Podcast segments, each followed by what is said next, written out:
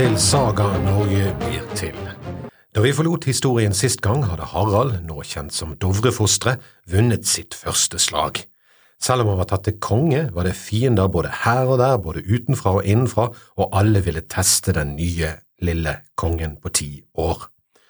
Første gilde var den gamle arvefienden Gandalf og hans sønner, mm, det vil si sønn. Hva er det med Gandalf? Skal han aldri slå seg til ro? Nå har han tapt land og sønner i hvert eneste møte med Halvdan. Han tror visst han skal ha bedre lykke nå, så her kommer han igjen. Gandalf hadde mistet to av sine sønner etter et mislykket forsøk på nattlig bakhold på Haralds far. Resultatet hadde blitt at han også hadde mistet hele Vingulmark. Nå forsøkte han å slå mynt på at Halvdan var død, og tiåringen satt løst i høysetet. Som vanlig kom Gandalf dårlig ut fra start. Det virker i det hele tatt som om Gandalf og sønnene er verdens dårligste krigere og planleggere på 800-tallet. Og de er enda dårligere på gjennomføring enn planlegging. Hans sønn Hake hadde satt av gårde opp Nittedal til det som nå bærer hans navn, Hakadal, og hvis du får en dal nevnt opp etter deg, så er ikke det en bra ting.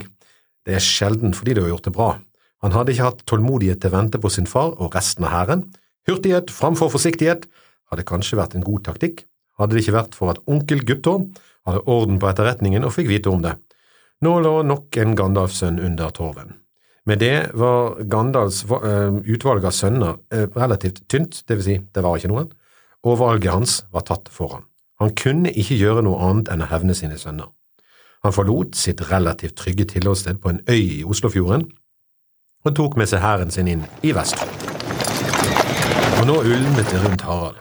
Det gikk rykter om at flere, spesielt i Hedmark, tenkte på å ta til våpen, mens Haralds hær befinner seg litt lenger sør på Ringerike.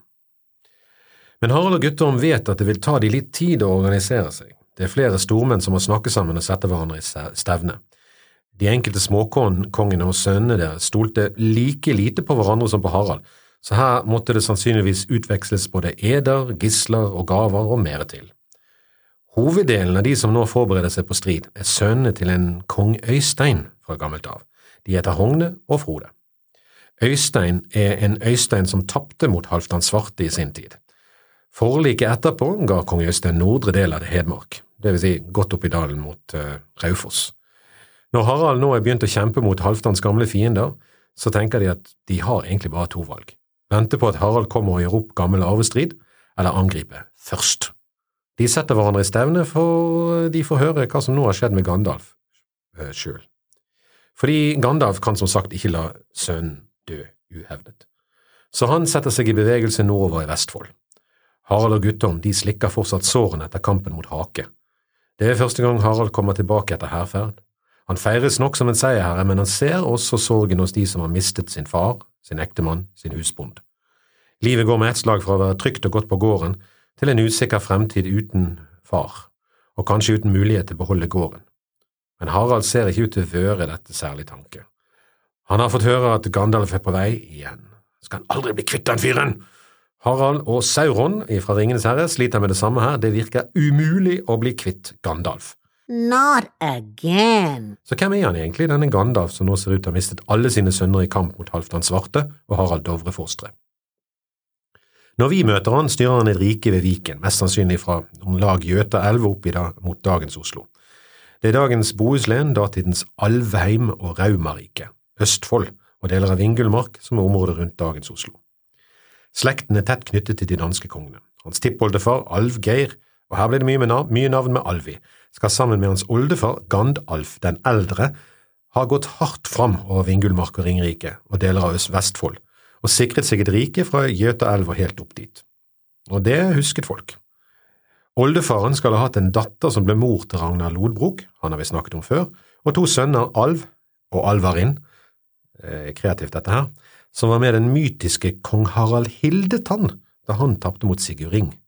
Og det er denne Sigurd Ring som gifter seg med søsteren til Alvor Alvarin. Dette blir mange navn, og det høres kanskje litt rart ut, ikke sant? For det første at det var han, Sigurd, som vant, som fikk gifte seg med de som hadde vært på lag med han som tapte, altså de som hadde vært på lag med Harald Hildetann. Men dette slaget det er ganske merkelig i det hele tatt. Historien tyder på at det har vært svært spesielt, og at Harald Hildetann rett og slett hadde dødsønske, og at han avtalte med Sigurd Ring å bli drept for å slippe å dø på sotteseng. Sånn kan det gå når man tror at man bare kommer til Valhall om man dør i kamp, og ellers havner i det noe kjedeligere og betydelig kjøligere Helheim. Heller feste hele natten sammen med andre krigere og spise av en gris som eh, du skjærer bacon av og han lever fortsatt, og feste med valkyriene, men uansett, med andre ord, dette kan ha vært avtalt spill. Sigurd får dermed Alvild og riket til, eh, og Alv går igjen og igjen, både hos jenter og gutter av denne ætten. Alvilds sønn med Sigurd er Ragnar Lodbrok, et annet navn, og det er hans sønner som hevner ham ved å erobre England. Vi kan dermed se en allianse på tvers av Skagerrak og Viken mellom daner og alle disse med alv i navnet sitt. Neste konge i rekken her i Alvheim er da i uh, Alv, eller Alvarins sønn, Alvgeir, som så ble far til Gandalf den yngre.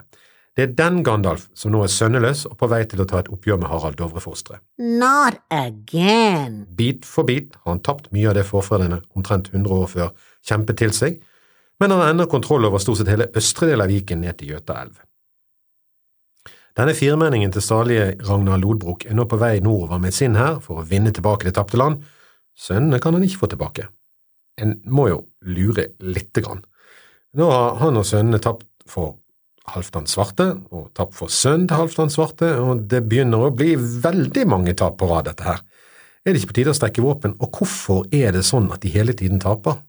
Vel, forklaringen på det kan ligge hos Ragnar Lodbroks sønner. For når de drar til England, så plukker de alt som finnes av de dyktigste krigerne. Blant annet sannsynligvis de leiesoldatene, eller berserkene, som fantes i området til Gandalf. For han var jo frende med disse og allierte her. Men i Haraldsriket så finnes fortsatt disse, så Harald har knyttet til seg disse fantastiske leiesoldatene fra 800-tallet som kalles berserker, og som var ekstra store og dyktige krigere som fikk ekstra god mat, for å være ekstra god til å mm, vel drepe. Men altså, det kunne kanskje være på tide for Gandalf å innse dette og strekke våpen og krype tilbake østover i Viken og skaffe seg en strategisk fordel og en uangripelig posisjon, for eksempel på andre siden av Glomma? Nei, her må vi kjenne tiden. Gandalf må hevne sønnene. Hans ry, som er så avgjørende for å få med seg menn og kunne styre, krige og plyndre, er helt avhengig av at han nå snart viser seg som en verdig hærfører. Harald og Guttorm vet også dette, og det kommer ikke som en overraskelse på de at eh, vel, Gandalf ikke følger den mest fornuftige eh, måten å agere på. Guttorm han ser ut til å ha ører og øyne overalt. Men det er ikke som om Gandalf forsøker å holde det hemmelig at han kommer, han ønsker at folk skal vite at han skal gi denne ynglingen av en konge den banken han fortjener. Sagaene kaller det som nå skjer for en hard strid. Det gjorde den ikke om kampen mot Hake, selv om den må ha vært det. Gandalf biter tydeligvis hardt ifra seg nå, og det er mange tap på begge sider når disse to hærene møtes. Til slutt bryter Gandalfs skjoldlinje sammen. Er det den usynlige jotten som tipper vektskålen i Harald, og det, Dovre da som kommer inn og med sin magi og sin usynlighet gir Harald seieren? Eller er det bare en kombinasjon av dyktighet, antall og innsats?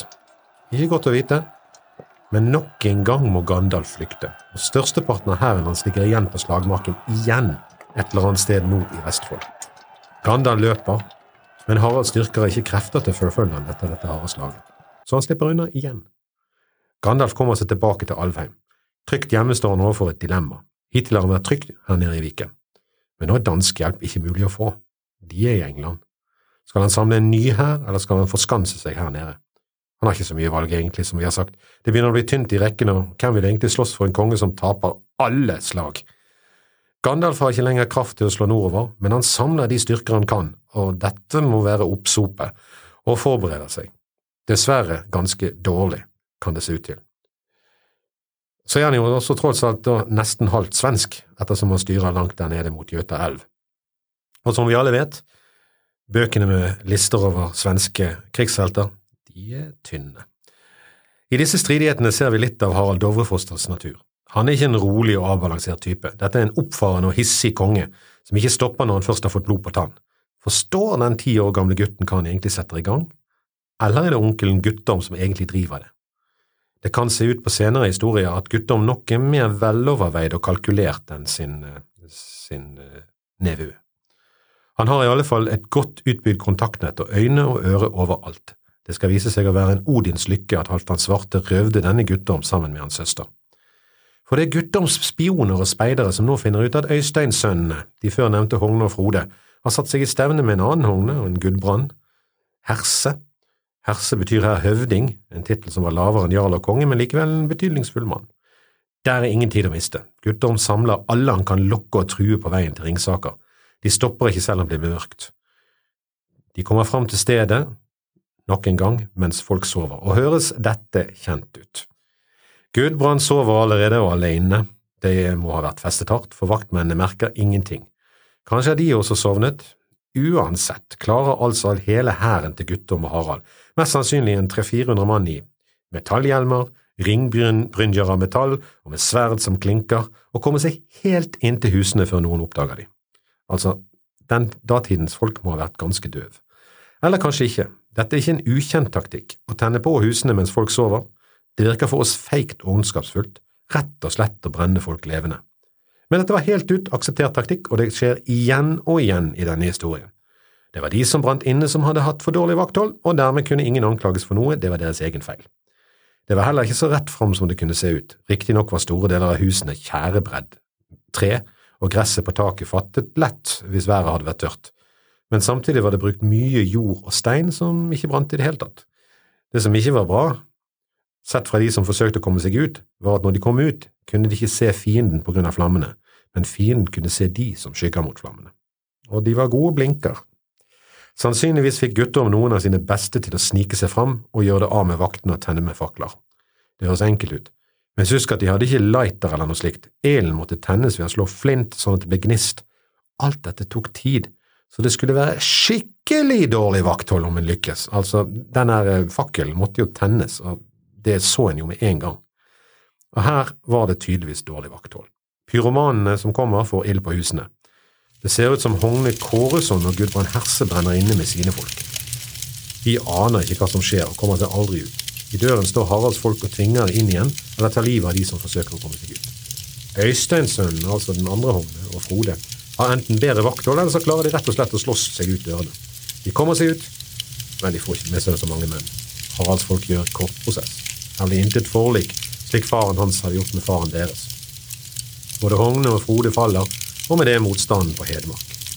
Nå kan det faktisk se ut som om Harald tenker at ah ja, Gandalf han har slått så mange ganger, så nå trenger jeg ikke tenke på han. Nå er riket vunnet, han kan lene seg litt tilbake.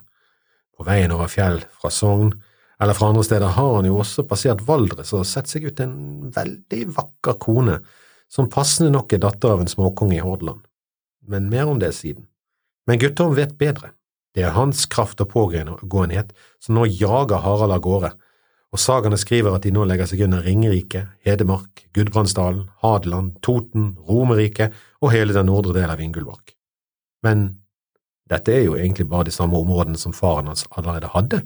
Det er jo arven. Det ser ikke ut til han har møtt noe særlig motstand.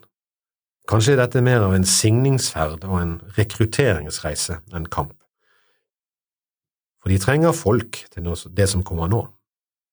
Ti–elleve år gamle Harald ser det nok ikke tydelig men onkelen hans ser det klart for seg. De må gjøre opp med Gandalf en gang for alle. Når som helst kan hans danske frender komme på andre tanker i England og sette snuten hjemover. Da endres maktbalansen kraftig til fordel for Gandalf. Det kan ikke skje, Guttorm vil ikke la det skje. En plan er under oppseiling, og Guttorm har ikke tenkt å kaste tiden bort. Det er nå de må slå til, nå er Gandalf svekket, sønneløs og uten hæren har mistet ved forrige slag. Harald og Guttorm har tatt runden, samlet de folkene de kan, det er ingen bedre tid enn nå. De setter østover til landskap de egentlig ikke kjenner, til Gandals rike. Timen er kommet. Hvordan Harald og Guttorm skulle klare dette, er rett og slett vanskelig å forstå. Det er så mange naturlige hindringer på vei mot Alvheim. Glomma, for eksempel, Svinesund, for å nevne et annet. De kommer heller ikke egentlig så langt. Egentlig kommer de seg ikke engang inn i Alfheim i denne omgang. Sannsynligvis var Gandalf svekket, men ikke mer svekket at han møtte de nord for disse naturlige barrierene. Vel, med tanke på suksessen Gandalf har hatt tidligere, er kanskje ikke det nødvendigvis et tegn på at han var særlig smart eller strategisk. Det å møte de nord for hindringene var kanskje den eneste måten han kunne sørge for at han tapte på. Not again. Harald og Guttorm slåss seg stadig lenger sør, og nærmer seg til slutt grensen mot Alvheim. Nå setter Gandalf inn sine siste reserver. Etter mange slag har han få igjen. Det begynner å tynnes på andre siden også, her er færre frender og nye styrker å reise i dette landskapet for Harald. Vi kan se for oss at Gandalf fylker sine menn for det siste slaget. Tap etter tap skal enten hevnes, eller så ender det i Valhall. Guttorm og Harald er seiersvante, men Gandalf har sklidd unna hver eneste gang. Nå frykter de at han skal stikke unna over Raumaelva eller Glomma og gjøre dette felttoget umulig å fortsette. Forsyningslinjene bekymrer det ikke seg så mye for, de lever av det landet de farer gjennom, slik skikken er for hærstyrker i denne tiden. Det betyr selvsagt at det er et utarmet landskap de nå har bak seg, og det er derimot en bekymring. Før eller siden må de nordover igjen, og da er allerede forrådene spist opp. Samtidig er plenty av sinte og fortvilte mennesker bak de som har mistet det de skulle ha for å klare seg gjennom vinteren. Men Gandalf er ikke noen stor strateg. I stedet for å komme seg over elven og finne beskyttelse bak naturlige voller, så tar han opp kampen nord for Glomma. Det går ikke bedre enn før. Et eller annet sted nord for Glomma forsvinner Gandalf ut av historien. Det vil si, helt til Tolkien gjør han til trollmann, men trollmann er den virkelige Gandalf ikke. Og det er ikke noe dramatisk comeback her, Gandalf dør, og hans makt med han. Nå kontrollerer Harald hele Innlandet og Viken ned til Glomma, samt en arm ut til Sognefjorden. Ved hjelp av onkelen Guttorm har han skaffet seg kontroll. Harald Dovre Fostre har klart det. Nå er det to ting han må tenke på. Det første er å sørge for at Guttorm får sin belønning, den skal han ha. Det andre er å sikre arverekkefølgen. Begge deler skal drive Harald til å gjøre noe ingen har gjort før. Har Harald en kone? Ja, ti år er litt tidlig. Eh, også fordi en konge ikke bør gifte seg før det kan gi han en fordelaktig avtale, gjerne et nytt rike å styre over. Men nå vil denne tiåringen skaffe seg en frille, Ting tyder på at han har nådd puberteten i alle fall, og kanskje er litt mer enn ti år. En kan jo lure på hvordan det, være, hvordan det er å være vikingkonge i stemmeskiftet. Kom igjen, karer, kom igjen, karer, kom igjen, karer. Men hva er en frille som det er det han vil ha? Vel, det kan være litt uklart. Det er ikke hovedkonen, fordi hun vil ofte være en del av en større avtale. En frille trenger ikke være en del av en sånn avtale, og er mer et kjærlighetsforhold enn en avtale. Men det som er viktig å være klar over, selv om friller ofte oversettes med elskerinner, er ikke det helt rett. Det er mer som en ekstra kone. Barnet har i tillegg arverett på lik linje med hovedkonens barn. Det høres ganske moderne ut. Og det er det. I moderne tid, etter kristningen av Norge, var det de først ved de kastbergske barnelover i 1916 at dette igjen ble slik.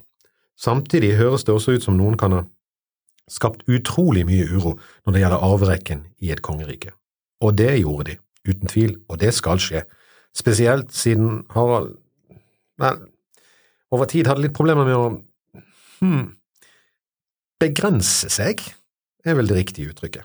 Men nå vil han altså ha sin første, og det skal etter sagaene sette i gang en kjedereaksjon av historiske proporsjoner. Og det skal gjøre at Harald Dovrefostre endrer navn.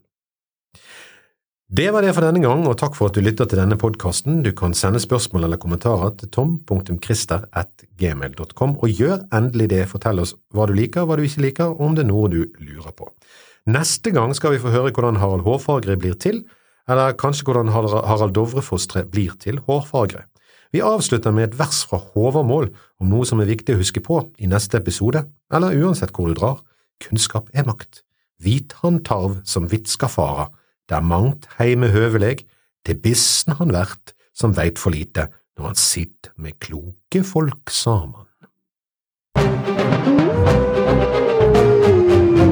thank